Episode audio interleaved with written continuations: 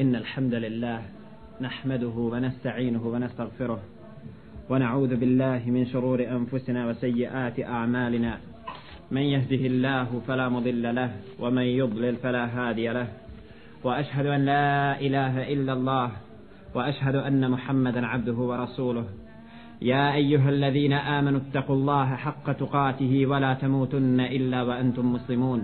يا أيها الناس اتقوا ربكم الذي خلقكم من نفس واحدة وخلق منها زوجها وبث منهما رجالا كثيرا ونساء واتقوا الله الذي تساءلون به والأرحام إن الله كان عليكم رقيبا يا أيها الذين آمنوا اتقوا الله وقولوا قولا سديدا يصلح لكم أعمالكم ويغفر لكم ذنوبكم ومن يطع الله ورسوله فقد فاز فوزا عظيما إن أصدق الحديث كتاب الله وخير الهدي هدي محمد صلى الله عليه وسلم وشر الأمور محدثاتها وكل محدثة بدعة وكل بدعة ضلالة وكل ضلالة في النار.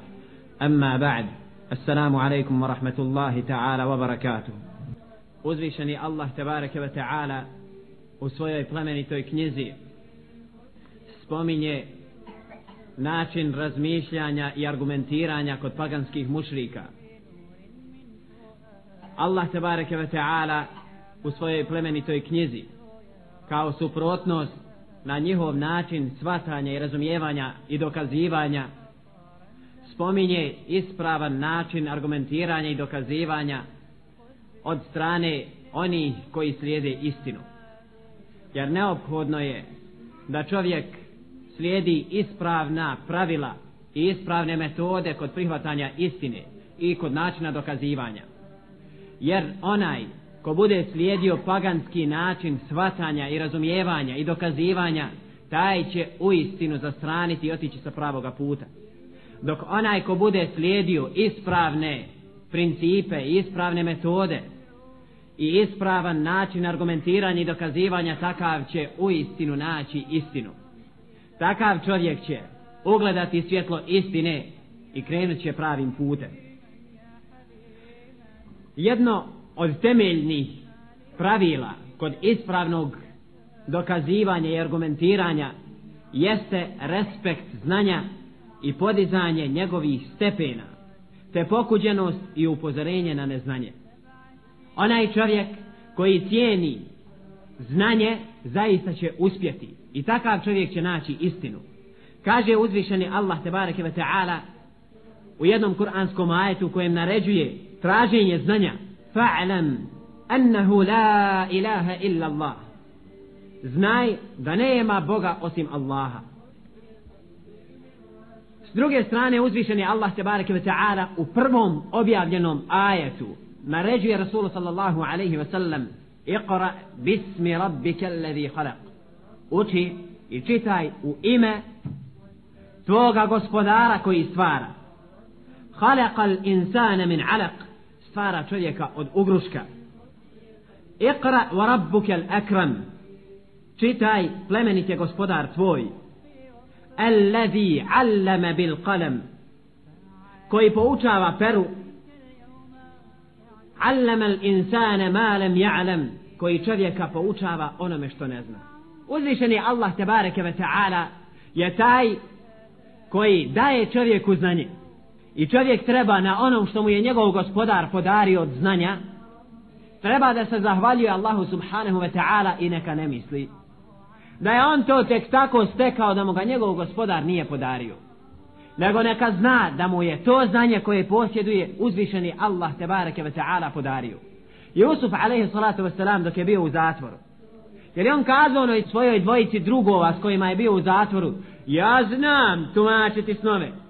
Ja znam, ja znam. Je li govorio to Jusuf alaihi salatu wasalam? Nije. To je ono čemu me je podučio moj gospodar. Allahu akbar.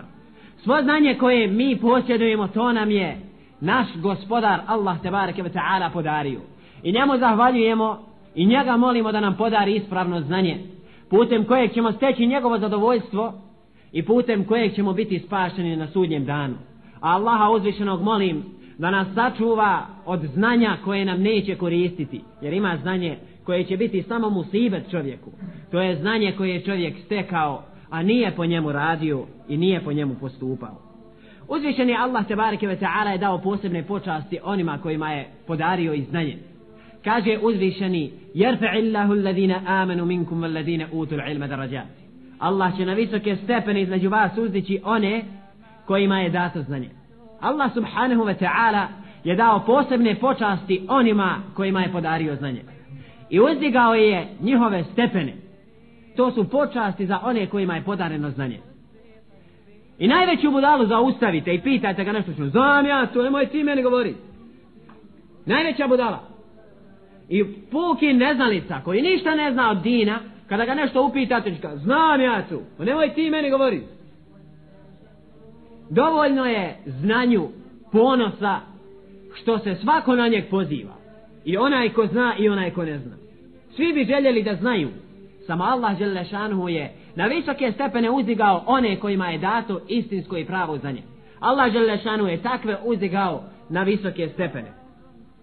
Kaže uzvišeni, قل هل يستوي الذين يعلمون والذين لا يعلمون reci zar su isti oni koji znaju i oni koji ne znaju u istinu nisu isti oni koji znaju i oni koji ne znaju oslanjanje na znanje poništava sva praznovjerja i legende jer onaj čovjek ko bude istinski slijedio ispravno znanje takav čovjek neće dozvoliti da mu svako pametuje da ga svako usmjerava da svako radi od njegovog života šta hoće.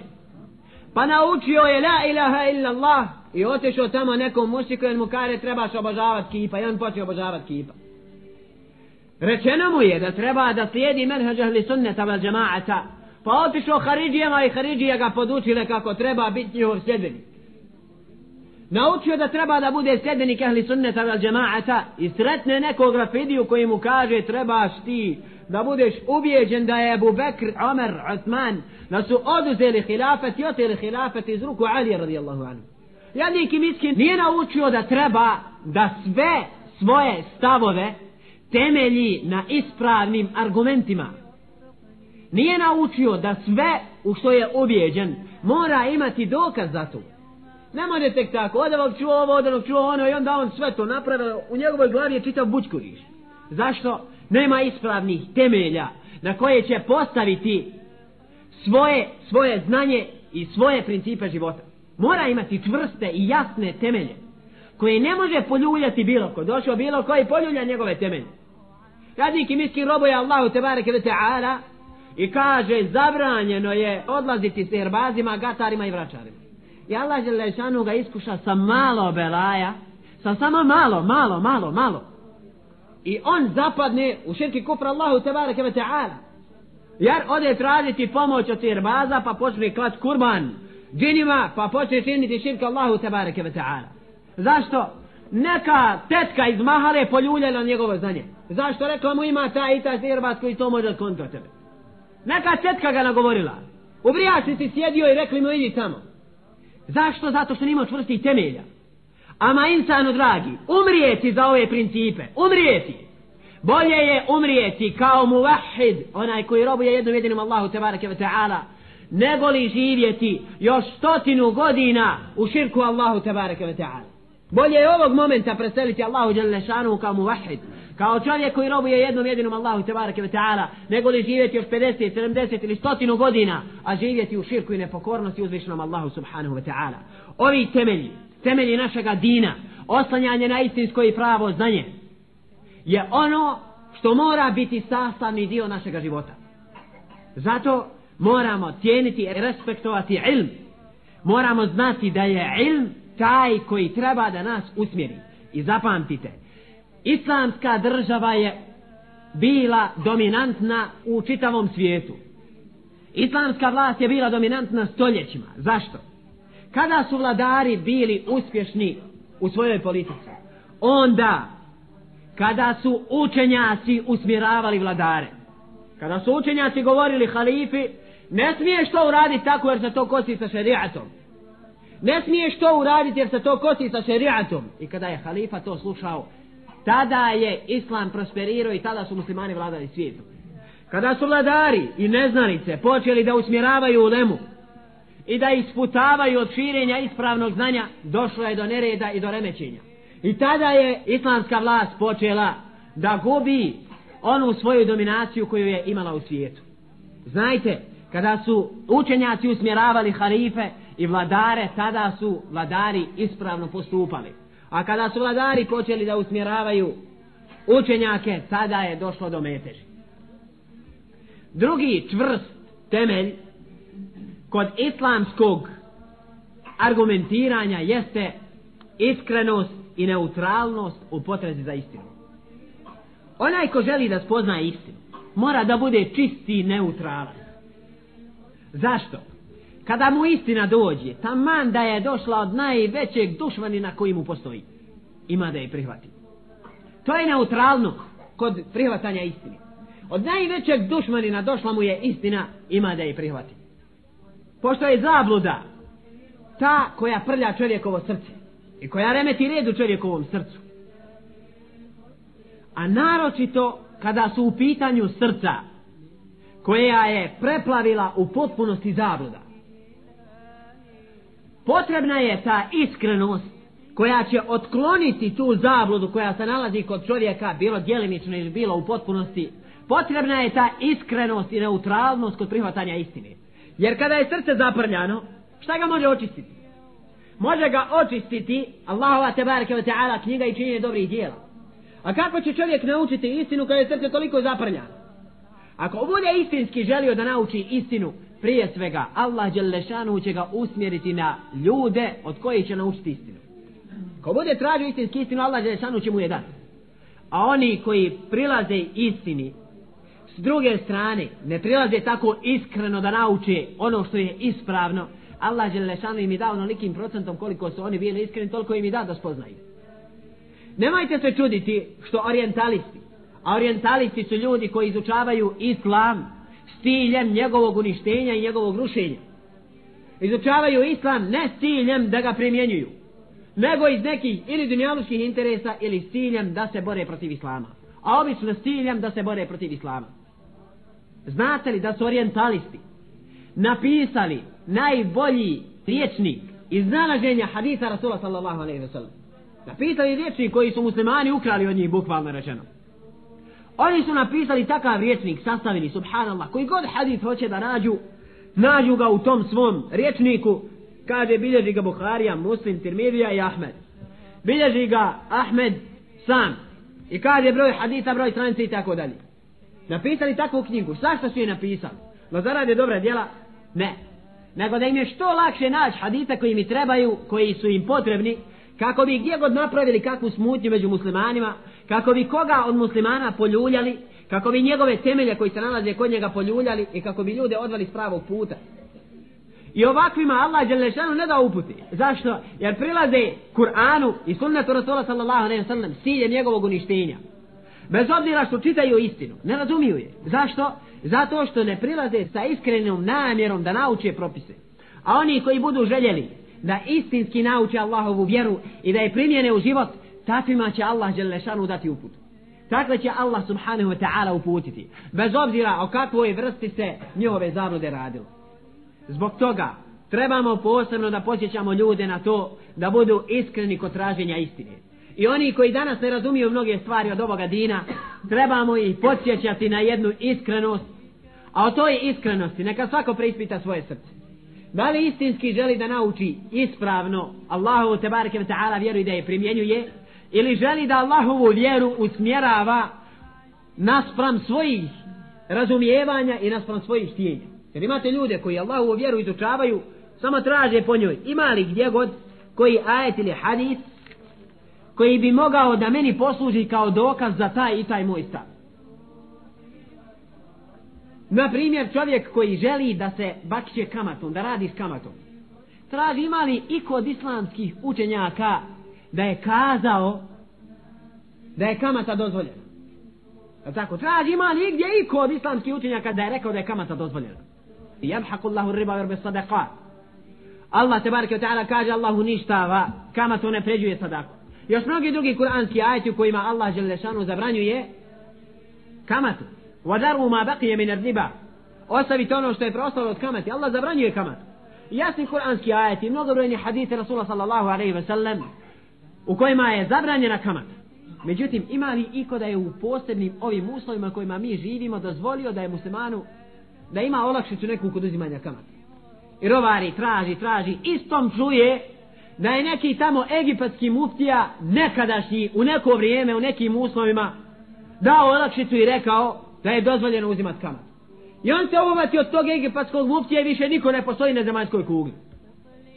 Zašto? Želi da šarijat usmjeri u pravcu svoga razumijevanja. Njemu je potreban takav odgovor i on automatski traži onoga ko bi, ko bi ga usmjerio u tom pravcu. Ovo je potpuno pogrešan put i jedan od dokaza da taj čovjek ne želi da slijedi istinu. Onaj ko želi da slijedi istinu, taj će tražiti dokaze u šerijatu i kada dobije adekvatan dokaz i argument, ako je počinio grijeh, ostavit će tu stvar, a ako već to nije uradio i pokaje se zato ako je već učinio, a ako nije učinio grijeh, nego je pitao da li je to dozvoljeno ili ne, kada nađe negativan odgovor, odustaće od činjenja tog dijela, jer je to dijelo u šarijatu zabranjeno. I to je ispravan pristup propisima šarijata i ispravan pristup argumentiranju u šarijatu. Allahu poslanik sallallahu alaihi ve sellem je primao istinu čak iz vremena paganstva, iz vremena predislamskog doba, iz vremena u kojem su mušrici obožavali kipove. Privatao istinu čak u njihovo vrijeme. Zašto je privatao istinu od pagana, od mušrika? On je, kao što je poznato, učestvovao u Hilful Fudul, u zaklinjanju koje nosi naziv Fudul.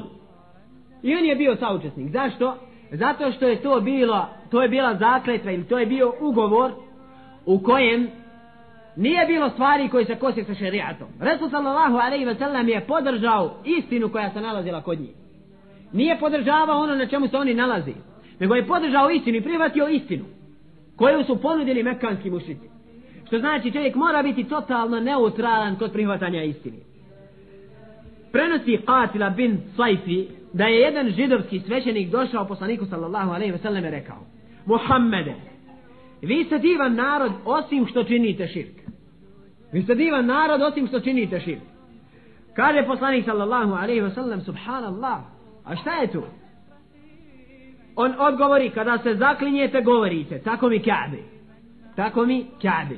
Kaže poslanik sallallahu alejhi ve sellem nakon što je malo zastao On je već rekao, pa ko se bude zaklinjao, neka se zaklinje gospodarom Ka'be. U islamu je propis zaklinjanja jasan. Neka se čovjek ne zaklinje Ka'bom, nego neka se zaklinje gospodarom Kaabe, To jest Allahom tebareke ve ta'ala. Svećenik reče, Muhammede, vi ste divan narod, vi ste divni ljudi. Samo da ne činite takmaca.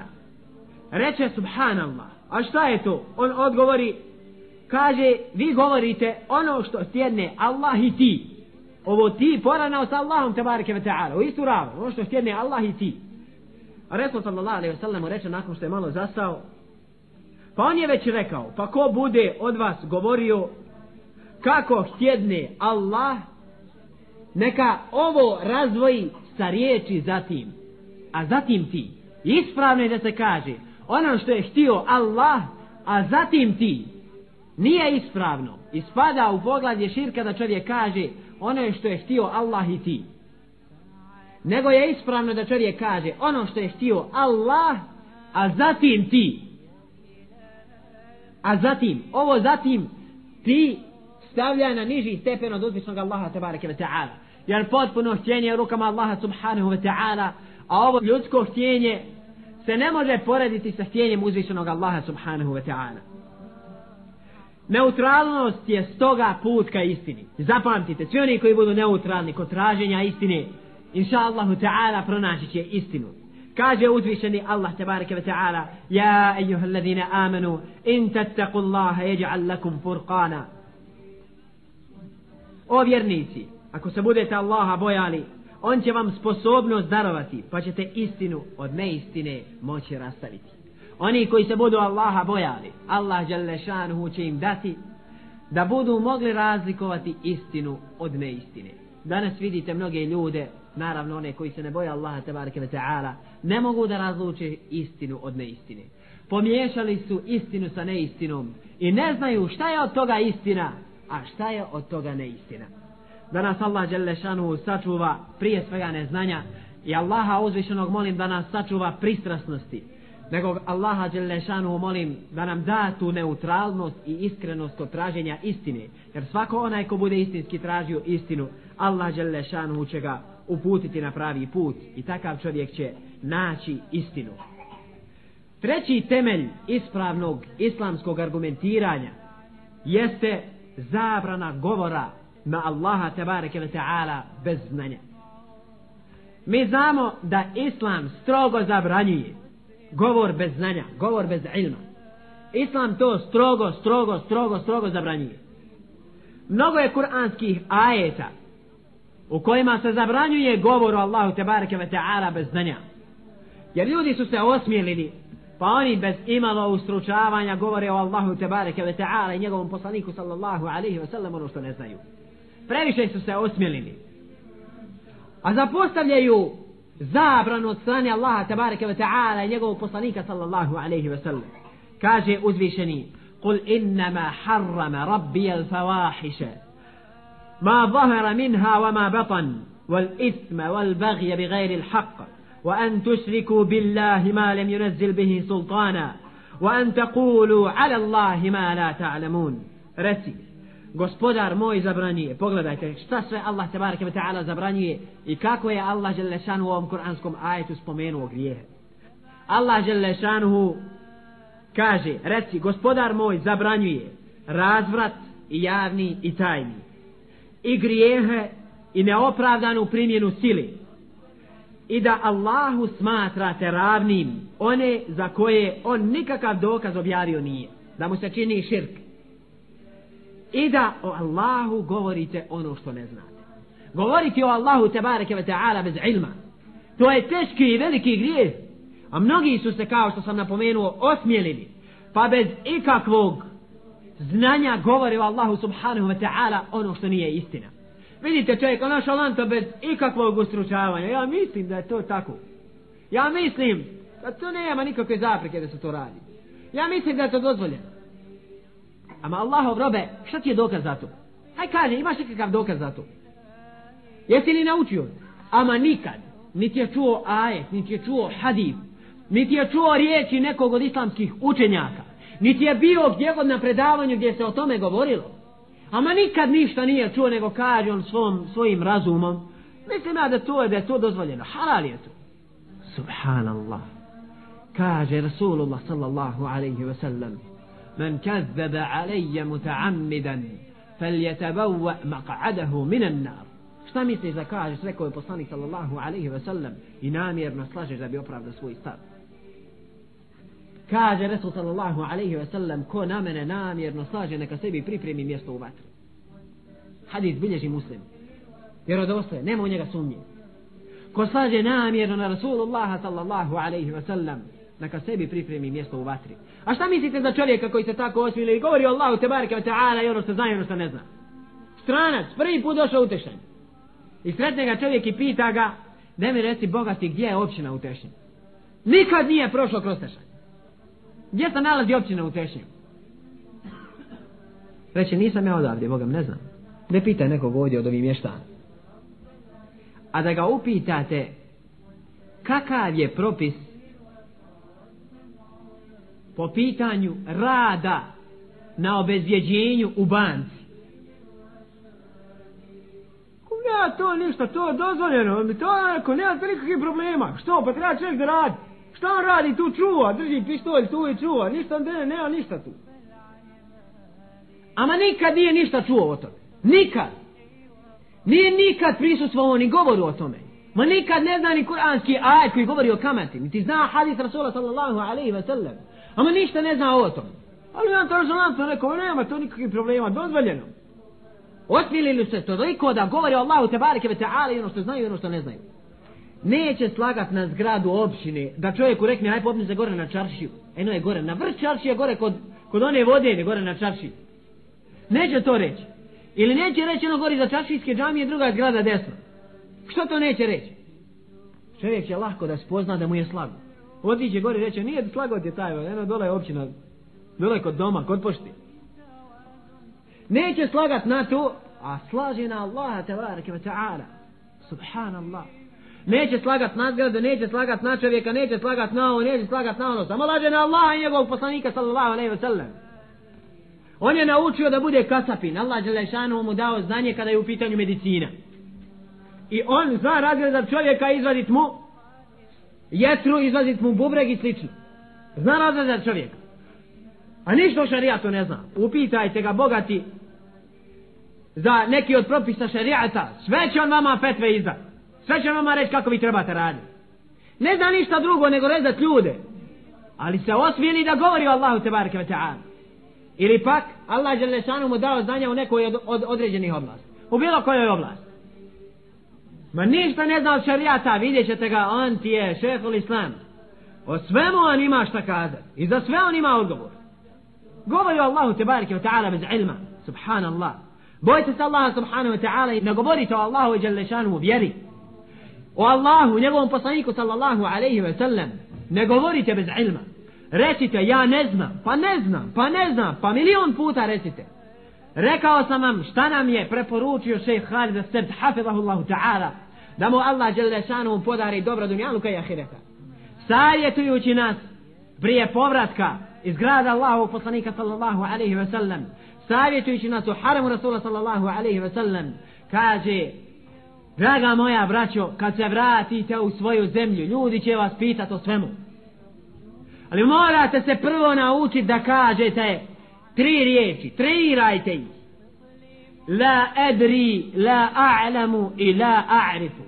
A sve tri ove riječi znači ja ne znam, ja ne znam i ja ne znam. To ti je znači ja ne znam, ja ne znam, ja ne znam. I kaže sve dok ne nestane crvenila sa vašeg lica, nije nešto u redu. Sve dok se budete crvenili kad vas neko upita i kažete mu ja ne znam, a vi se zastidite, stidnete, ja ne znam sad. Nešto nije u redu. Reci otvoreno, ne znam. Ne znam. Ako ne znam, brate mili, ili ću potražiti odgovor, ako imam gdje potražiti, ako ne imam, nazvaću nekog drugog pitat.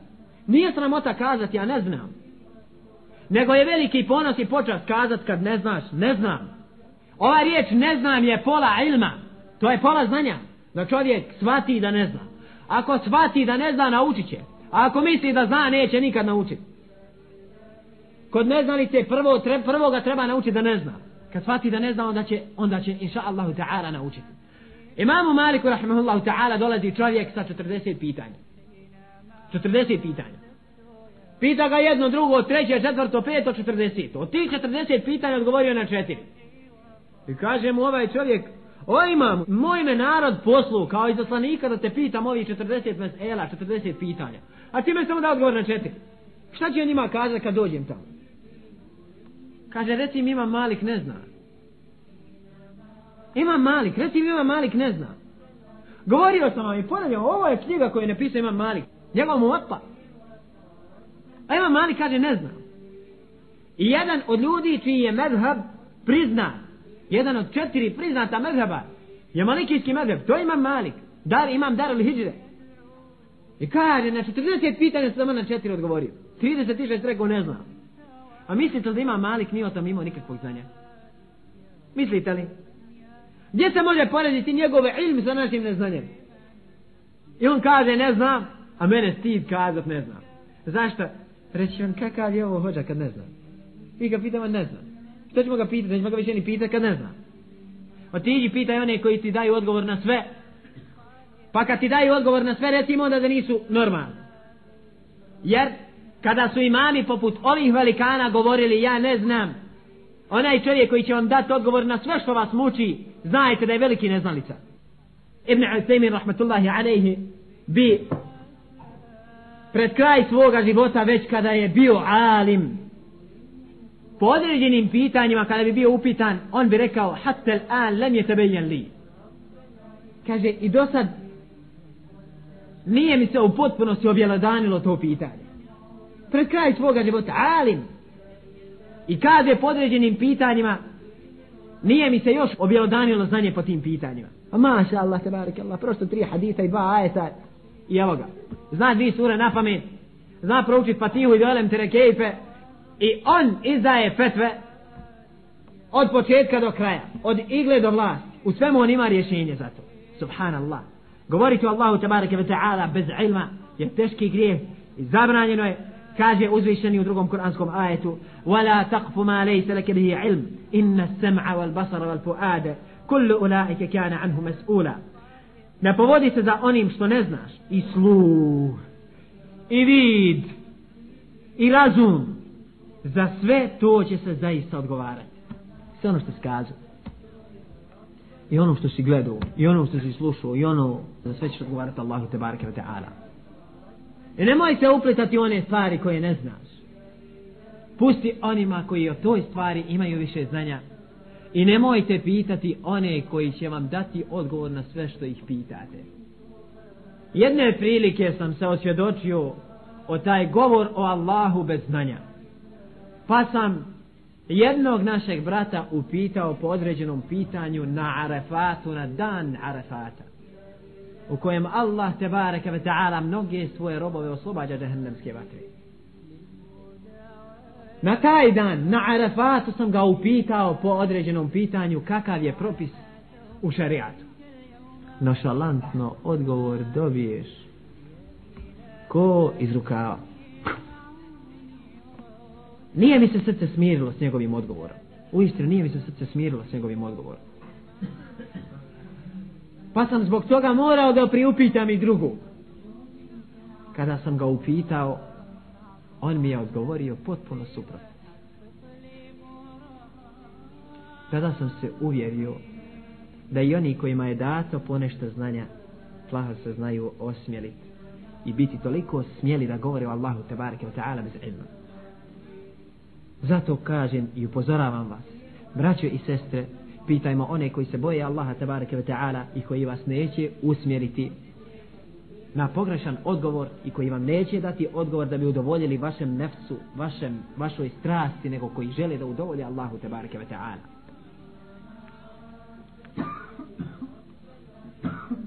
Četvrti temelj islamske misli i argumentiranja jeste oslanjanje na dokaze jedno od najvećih pravila u islamu jeste oslanjanje na dokaze i odvraćanje od nagađanja i neutemeljenih mišljenja. Pa jedno od najvećih pravila u islamu. U islamu sve mora ima dokaz za, zašto je to tako. Nema u islamu nešto bez ičega je tako. Ili oni pojedinci koji vam kaže, e, ne možeš ti to shvatiti. Ne možeš ti to razumjeti, ti to ne shvataš. A bogat ima li nešto u šarijatu što ne, što ne može običan čovjek da shvati? Šta, ne znaš ti nešto ima što ja smijem znati u šarijatu, ti ne smije znati, jel? Je li Allah Želešanu objavio Kur'an nekim jezikom koji ne razumiju ljudi? Nije, Allah Želešanu objavio Kur'an koji može da razumije beduin i starac i starica i dijete i stara osoba i alim i državnik sve strukture ljudi i obrazovan i neobrazovan svi mogu da razumiju šta Allah Žešanu kaže u Kur'anu. Ne treba posebna inteligencija da bi se mogla razumjeti Allah Žešanu u knjiga. Ali se pojavili pojedinci koji kažu e, ne možete to shvatiti. Da je nešto posebno samo za nas. Nema ništa posebno samo za vas. Nego je Allah Žešanu objavio Kur'an. Resul sallallahu alaihi wa sallam je bio na mjestu onoga kome ga je Džibril dostavio, a Resul sallallahu ga je prenio sahabima. Kur'an je poslije zabilježen, a Resul sallallahu alaihi wa sallam je izrekao mnoge hadise. Imamo pred sobom kitab i sunnet i to se jasno može razumijeti. O misticizmu i nečemu što je ama baš abnormalno kod nas nemojte plavo ravariti Jer naš čovjek voli da je nešto neprirodno. Nemoj da je nešto normalno, da ima šta nenormalno. Rovari po nečemu da mu je nešto naučit što ne znaju svi ljudi. Pa onda između ostalog nauči kada dođe kod tih pojedinaca prvo mu kaže ti se moraš spustiti na nivo životinje. Pa da se s nivoa životinje podigneš na nivo insana Pa kad se podigneš na nivo insana, onda ćeš možda se podignuti nekad poslije na nivo meleka i tako dalje. Subhanallah. A u kojem je dinu to? Jer i poslanik sallallahu alaihi ve sellem rekao jednom od svojih ashaba trebaš da se spustiš na nivo životinje? Je rekao jednom od ashaba? Je rekao ikom od djeci, od staraca? Nije Boga mi. Allaha mi to nije rekao. To ne postoji u ovoj vjeri koju je Allah objavio preko Džibrila do Rasula sallallahu alaihi ve sellem i koja je prosjeđena do nas. To u ovom dinu ne postoji. To su izmišljene stvari, to su neke priče. I oni koji svo svoje učenje temelje na nekim pričicama i na nekim legendama, okanite ih. Nema u tom ilma.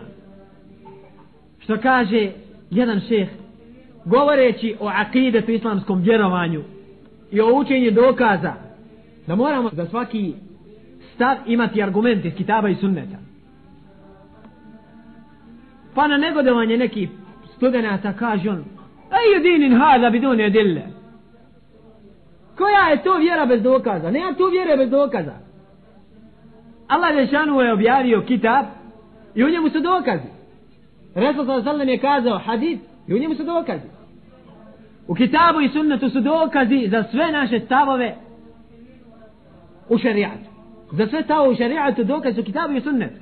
Ili eventualno iđma' ili kao što smo napomenuli kija.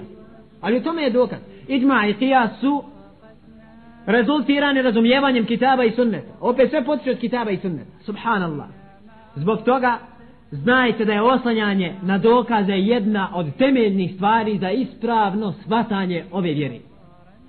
Morate imati dokaz za dotičnu stvar. Kada vam neko kaže neku stvar posebno koja vam izgleda onako čudna, ili vam ispriča neku pričicu, kažite mu Boga ti šta ti je dokaz za to? A ga je čuo ja od neke tetke tamo iz Mahale, recite mu Boga ti, ti tu tetkinu pričicu zamotaj u kovertu i baci u korpu za smeće. Pričica, ova vjera nije temelj, ne temelji se na pričicama. Ova vjera se temelji na ajetima i na hadisima. Zbog toga za sve stavove moramo imati jasne dokaze iz Allahove knjige i sunneta njegovog poslanika sallallahu alaihi ve sellem. Ono na što dokaz ukaže, to je i istina. A sve ostalo je, zapamtite, neistina. Ono za što ima čovjek dokaz, to je istina.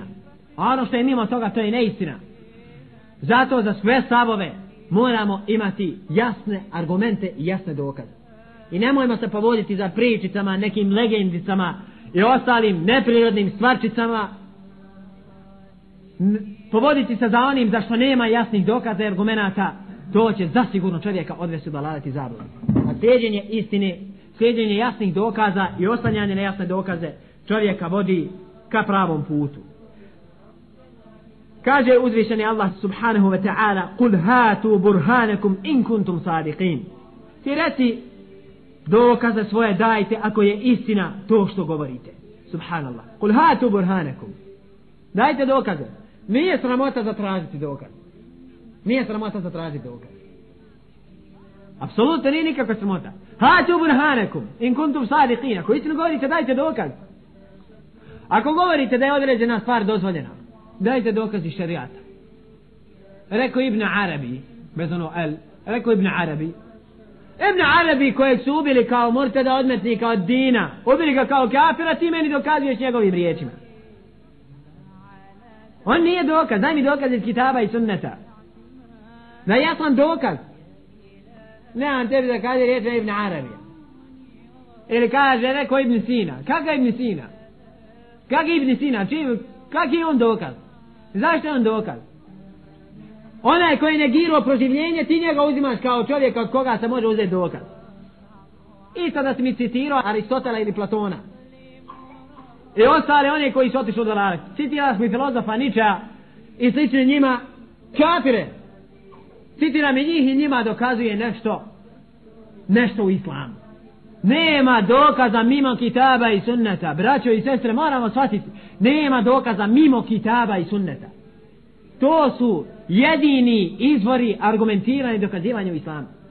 Kitab i sunnet, jasni i čvrsti temelji.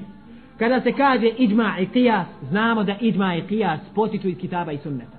Jer islamski učenjaci su ujedinili, ujedinili i donijeli su konsenzus na osnovu kitaba i sunneta.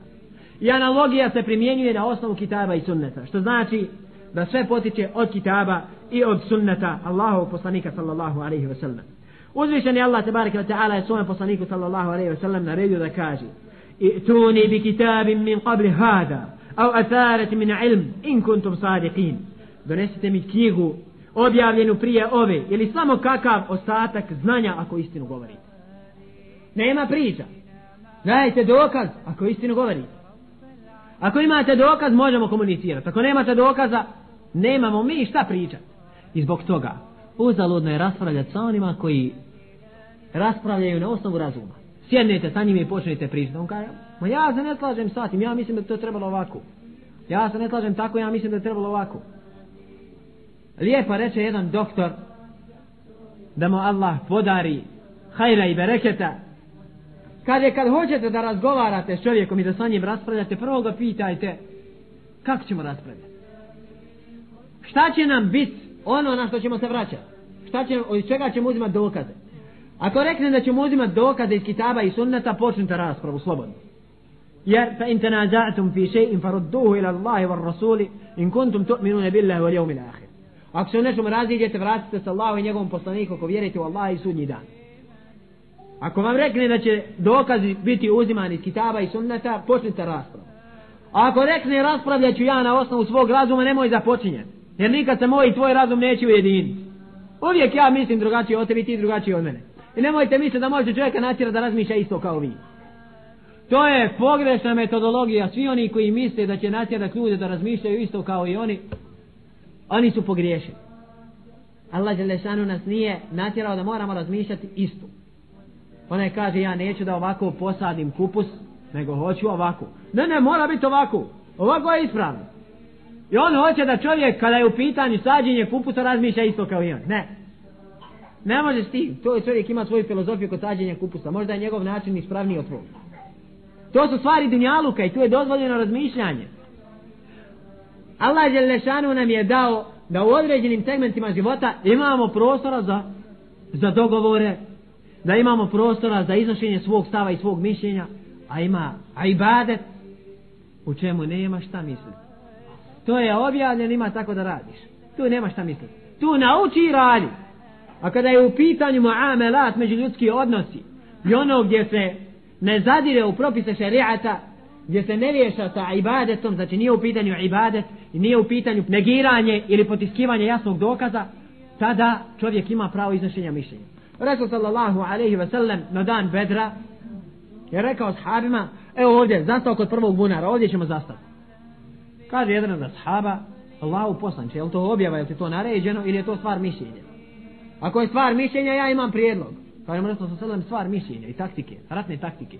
Kaže on, ja predlažem da ove bunarove zakopamo, da iskopamo kanal, da mi imamo vode, a oni nemaju. Mi ćemo se pomjer do prvog bunara, ove ćemo sve zatrpati, sebi ćemo kanal iskopati, mi ćemo imati vode da pijemo, oni neće. Kaže to sallam, dobar prijedlog. Privati u njihov prijedlog. Znači u ovim ovakvim stvarima ima pravo iznošenja mišljenja. Ima pravo, niko se tu ne mora ujediniti stav. Ja mislim da trebalo bi ovako urati, misliš ovako. Ali međutim, kada je u pitanju Allahova vjera, kada je u pitanju jasan kuranski dokaz, poriče dokaz svojim stavom i svojim mišljenjem. Nema poricanja dokaza svojim mišljenjem. Sve moramo vratiti Allahu i njegovom poslaniku sallallahu alaihi wa sallam, naravno sa iskrenom namjerom, sa neutralnošću, da bismo ispravno shvatili Allahovu tebareke wa ta'ala vjeru.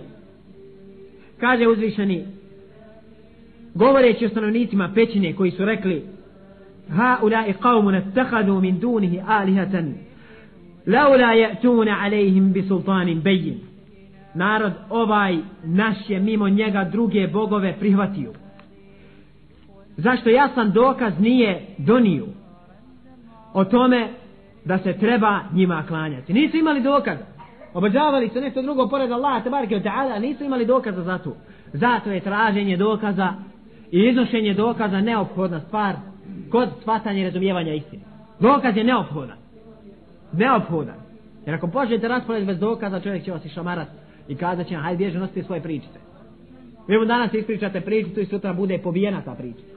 Ako kažete, rekao Allah te barke ve ta'ala, ako je danas i ne prihvati, možda će i sutra prihvatiti. Jer rekao je Allah te barke ve ta'ala, ostaje, to je istina. Istina ostaje i ona se neće promijeniti.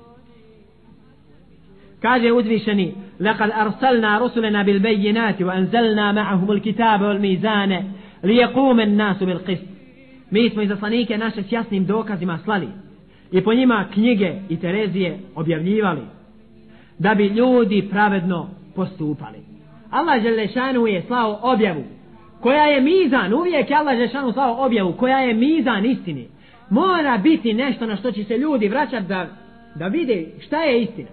Razišli smo se u nečemu, hajmo se vratiti Allahu i njegovom poslaniku sallallahu alaihi wa sallam.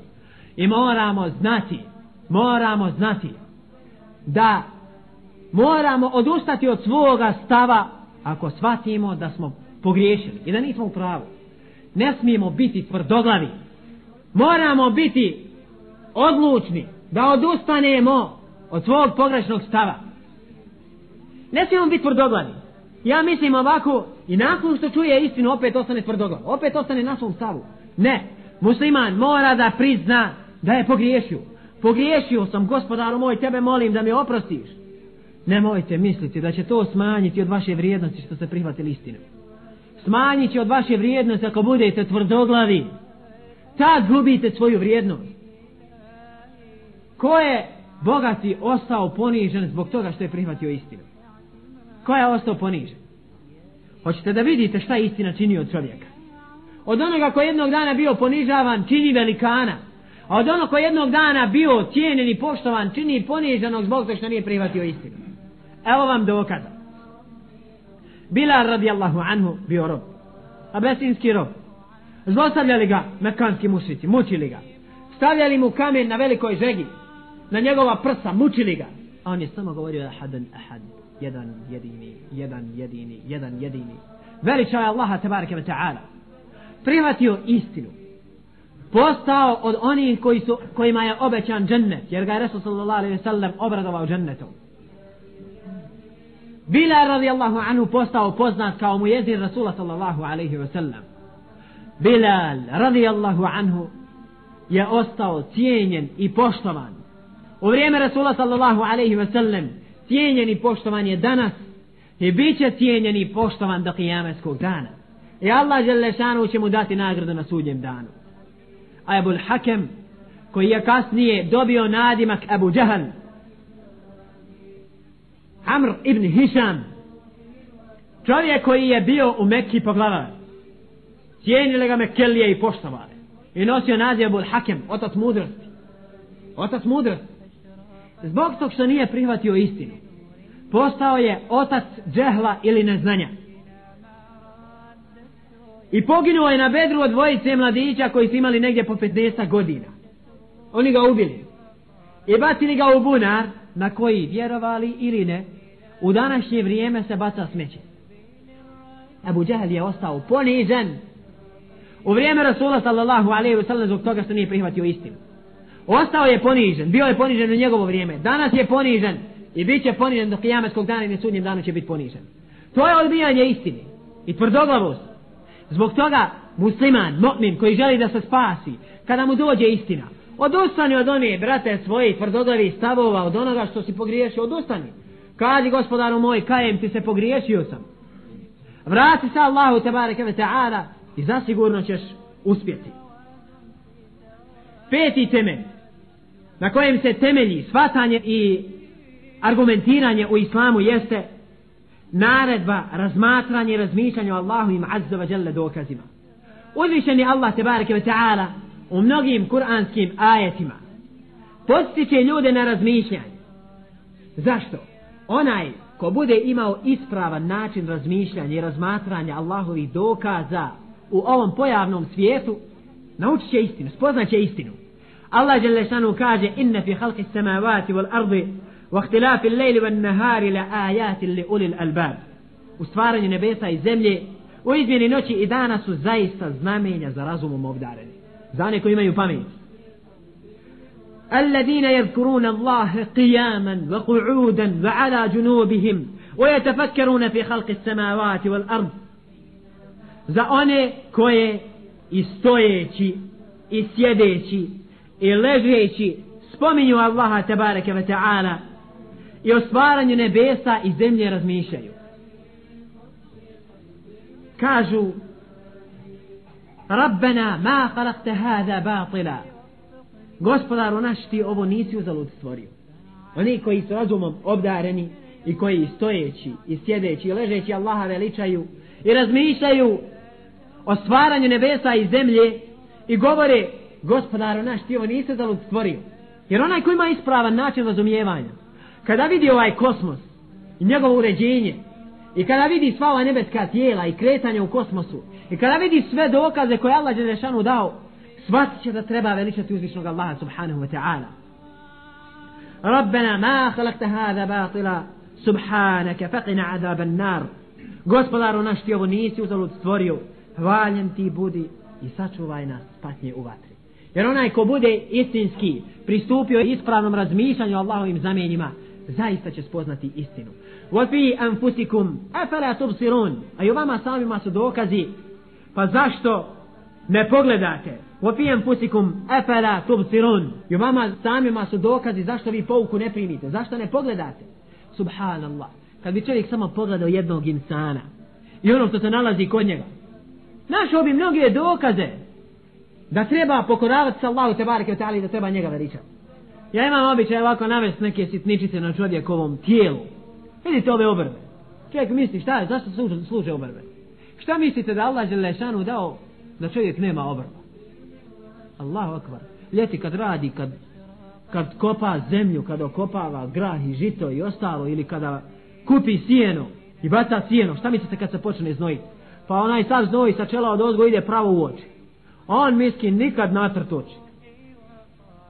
Allah je lešanu dao obrve i one služe nečem. Imaju one, imaju one svoju funkciju, svoju ulogu. A šta mislite da nema trepavica? Ne bi mi mogli trunje iz naših očiju načistiti. Puno oči bi trunje bio. A insan, stala mi treptu, uvijek bi puno oči trunje. Allah je lešanu dao trepavice. Allah je lešanu dao, imaju ona svoju funkciju. Zatim kad pogledamo Allah je lešanu kako je stvorio čovjeka. Stvorio da su mu oči ovdje gore na čelu, da se ne mora patit kad gleda. Šta mislite da čovjek mora podignuti ruku ovako da ispod pazuva pogleda? Kako bi to opterećenje bilo? Kad hoće da pogleda, da mora ovako hoda. Šta mislite? Ili da je Allah Đelešanu stvorio čovjeku veliki nos, kad padne na seždu, kako bi učinio seždu? Subhanallah. Allah Đelešanu stvorio čovjeka lakad halaknan insane fi ahsani takvim. Čovjeka smo stvorili u najljepšem liku. Allah je čovjek je stvorio najljepšem liku. I sve što ima na čovjeku ima svoju funkciju, ima svoju ulogu. Zamislite, vidite koji su oči, koji je to mehanizam? Koji je to mehanizam? Allahu akbar. Allah Želešanu je dao oči, kuglice. I mi iznutra, naš mozak registruje ono što mi gledamo. Drugog čovjeka vidite, ima oči. Ali Allah Želešanu mu odezeo vid. Subhanallah. Mudrost je u svemu tome da čovjek pogleda koje su to blagodati. Kada bismo samo zatvorili jedno oko i morali sad da moram čitavo vrijeme ja ovako zažmiriti na jedno oko i ovako pričati. Znate koje je to opterećenje za mene vidio? Koliko sam morao više okreta da vidim ove vam na ovoj strani. I koji je to napad? Allah Đelešanu je stvorio čovjeka dao mu svoju svu ugodnost. Zbog toga da razmišljamo o dokazima u nama samima. Jer tako ćemo još više veličati uzvišnog Allaha subhanahu wa ta'ala. Ali mogu da vjerujem da može biti doktor koji poznaje ćeliju i poznaje ljudski organizam i poznaje anatomiju čovjeka da može biti nevjernik. Ne mogu da shvatim u istinu, to je teško da shvatiti. Ali upravo zbog toga što ne pristupa ciljem iznalaženja istine Allah Želešanu ga nije uputio. Neće, neće čovjek istine. A onaj ko pristupi tome s ciljem da nađe istinu Allah Želešanu će ga sigurno uputiti. Jer pogledajte funkciju jednog želuca. Subhanallah. Funkcija jednog želuca. Allahu akbar, šta mislite šta bi čovjek sve trebao da napravi u ovom pojavnom svijetu, da napravi neke mašine da sve to razluči.